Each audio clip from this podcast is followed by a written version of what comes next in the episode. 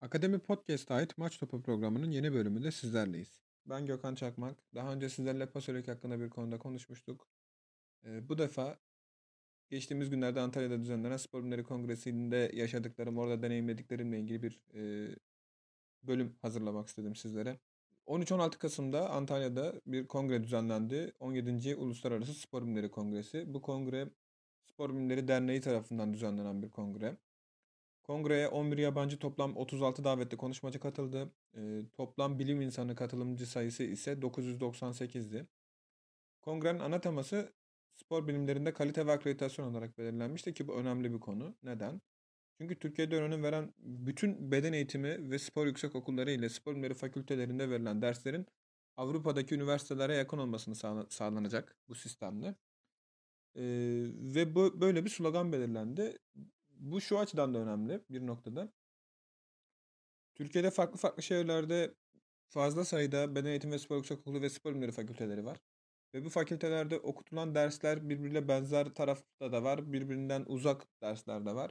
Bu derslerin en azından belli bir çatı altında belli bir bütünlüğünün sağlanarak e, verilmesi hem ülkede yetişecek e, spor eğitmeni, spor, beden eğitimi spor öğretmenleri, antrenörler, e, spor yöneticilerinin daha nitelikli yetişmesi için önemli. E, hem de üniversiteler arası geçiş yapacak öğrenci arkadaşlar için de e, daha kolay, daha şartları zorlaştırmadan eğitimlerine devam edebilmeleri açısından önemliydi. Bu nedenle böyle bir e, akreditasyon süreci başlatılmış durumda. Kalite ve akreditasyon süreci hem belli bir kalite çıtasını yakalamak için hem de akredite süreçlerini Avrupa ile ilgili akredite süreçlerini hızlandırmak için bir slogan belirlenmiş ve bu doğrultuda çalışmalar yapılmaya devam ediliyor.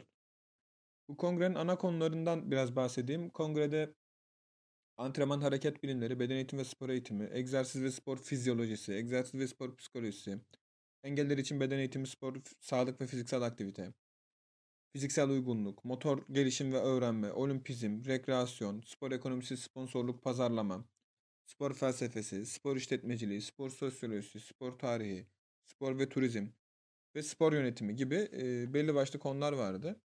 Kongrenin açılışına e, Spor Bakanı Sayın Mehmet Muharrem Kasapoğlu teşrif ettiler. Antalya Valisi de açılıştaydı. Mehmet Muharrem Kasapoğlu orada bir konuşma yaptı ve akademik camiaya seslendi. Kendisi konuşmasında Türkiye'nin sağlık, ekonomi, teknoloji ve spor gibi alanlarda marka ülke olmaması için herhangi bir sebep olmadığını ve bu doğrultuda bakanlığın çalıştığını ifade etti sporun birleştirici, dönüştürücü rolüyle hem bireyler hem de toplumlar için çok önemli bir olgu olduğunu belirtti. Halihazırda devam eden ve proje aşamasında olan uygulamalarından bahsetti. Bu süreçlerde akademik camiadan destek istedi ve yeni projeler e, üretilmesini talep etti. Tabi bu noktada e, Spor Bakanı'nın böyle bir kongreye teşrifi, akademik camiayla bütünleşmesi, akademik camianın beklentilerini dinlemesi e, ve akademik camiadan olan beklentilerini e, kendisini seslendirmesi de önemliydi. E, bu noktada Spor Bakanlığı katılımı e, önem arz etti tabii ki. Bu konuların dışında sunulan bildirilerle ilgili biraz konuşmak isterim. Sunulan bildirilerden birkaç tanesi özellikle benim dikkatimi çekti. Direkt gidip e, dinleme fırsatı buldum. Çalışma yapan hocalarla sohbet etme fırsatı buldum. Bunlardan en önde geleni Akademi Sakarya Spor Camiası için de bence önemli bir çalışmaydı. Kentler için Spor Müzesi Modeli Örneği isimli çalışmasıyla Sayın Levent Atal hocamızın yaptığı bir çalışmaydı Kocaeli'den. Ee, hocamız İzmit için bir spor müzesi modeli geliştirilmesini ve bu spor müzesi ile beraber kentin e, turizm potansiyelinin artacağını ve ekonomik açıdan da kente faydalar sağlayacağını e, belirten bir çalışma yapmıştı. Bunun bir benzerini Akademi Sakaryaspor Sakaryaspor Müzesi tarzında bir oluşumla Sakaryaspor'un e, eski stadının olduğu yerde bir tribün binasının korunarak bir müzeye dönüştürülmesi fikrinden bahsetmişti. Bu çalışmayı da yakından takip ettim ben. Ee, bu önemli. Neden önemli? Çünkü eski stadyumlar, şehir merkezlerinde yer alan stadyumlar bir e, kentin kimliği aslında. Bir kentin geçmişi, bir takımın geçmişi, ruhu. E, her ne kadar yeni stadyumlar daha rahat, daha konforlu, belki de maç oynanması için bile e, daha elverişli şartlar hazırlıyorlar. Daha elverişli şartlara sahipler. Ancak eski stadyumların da e, kaybedilmemesi gerekiyordu. Eski stadyumların sadece Sakarya için değil, Kocaeli'de de aynı şekilde İşte Elazığ'da da aynı şekilde birçok şehirde de aynı şekilde. Eski stadyumlar direkt yıkıldı. Ee, yerlerine belki başka şekilde değerlendirilmek istendi. Bazı şehirlerde yerlerine direkt olduğu yerde yenileri yapıldı. İşte Beşiktaş Stadyumu buna bir örnek. Ama eski stadyumların bir şekilde tamamen yıkılmasından daha ziyade bir şekilde dönüştürülmesi, bir şekilde e, evet bu şehrin burasında bir futbol stadyumu vardı ve bu futbol stadyumu bu şehir için önemliydi e, olgusunu yaratabilecek şekle dönüştürülmesi, e, şehrin turizmle beraber şehrin ekonomisine katkı sağlayacak boyuta getirilmesi, bunun için çalışmalar yapılması önemliydi. Ben hocayla bu konuları konuşma fırsatı buldum. Hoca da benzer konularla benzer fikirde olduğunu belirtti. Bunun dışında yer dikkatimi çeken başka bir çalışma da Trabzon'dan Necati Gürses hocamızın yaptığı Trabzonspor Rizespor rekabeti taraftar yansımaları isimli bir çalışmaydı. Burada da e, tabii yakın şehirler birbirine yakın şehirlerin özellikle bir böyle bir tatlı rekabet diyeyim ben ona. Adını farklı şekilde dillendirmek istemiyorum. Tatlı rekabet içinde oldukları bilinen bir gerçek. Elazığ, Malatya, Sivas, Kayseri gibi, e, Rize, Trabzon gibi. Daha bize biz odaklı bakarsak e, Sakarya, Kocaeli gibi. Şimdi bu şehirler aslında baktığımız zaman birbirine çok yakın.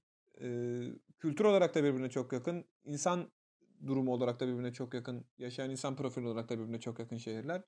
Ama baktığımız zaman futbolda ve diğer spor dallarında böyle bir rekabet söz konusu. Zaman zaman e, benim şahsen istemediğim olaylar yaşanmış olsa da geçmişte e, bu rekabetin varlığı beni tatmin ediyor, hoşnut ediyor aslında.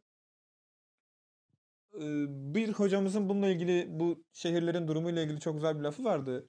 E, Erdal Hoş hocamızın onu da adı geçmişken, konusu açılmışken belirtmek isterim.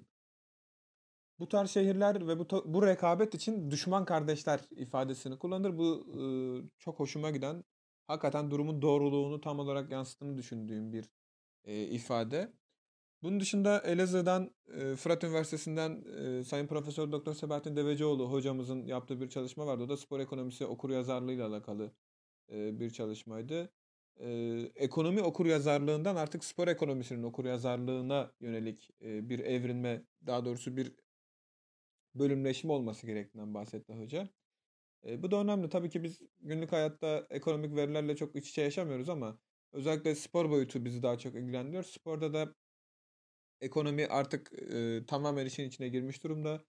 E, spordaki bu ekonomik durumun ne olduğu, ne düzeyde olduğu, e, gelir giderlerin ne düzeyde olduğu birçok şehir artık birçok kent, birçok şehir artık e, futbol takımı özelinde borçlarla uğraşıyor kapanma noktasına gelen futbol takımları oldu. transfer yasağı getirilen futbol takımları oldu ki Sakaryaspor'da bunlardan bayağı muzdarip oldu geçmişte. Şu an için öyle bir sıkıntıları yok gibi görünse de olmayacak anlamına da gelmiyor tabii bunlar. sonuç olarak baktığımız zaman 3 gün süren eğlenceli, keyifli bir kongreyi geride bıraktık. Bu tarz çalışmalar da önemli ki e, Sakar Akademi Sakaryaspor'un da bu tarz bir çalışma içerisinde olduğunu biliyorum. Tam olarak bir kongre gibi olmasa da bir en azından çalıştay sem sempozyum tarzı bir e, çalışma içerisinde olduğunu biliyorum. Bu grubun da içindeyim. E, bu tarz faaliyetlerin desteklenmesi, geliştirilmesi lazım. Bu tarz faaliyetler hem şehir kültürünü oluşturmak açısından hem şehrin takımla bütünleşmesini e, oluşturmak açısından hem şehre ekonomik girdi kazandırmak açısından çok önemli. E, ben böyle görüyorum bu çalışmaları. İlerleyen süreçlerde tabii ki daha farklı, konular olur, daha farklı çalışmalar olur. Ben, yine burada olacağım. Anlatmaya, dilim döndüğünce bir şeyler anlatmaya, sizlerle paylaşmaya devam edeceğim diyorum. Şimdilik bu kadar. Sözlerimi noktalıyorum. Kendinize çok iyi bakın. Görüşmek üzere.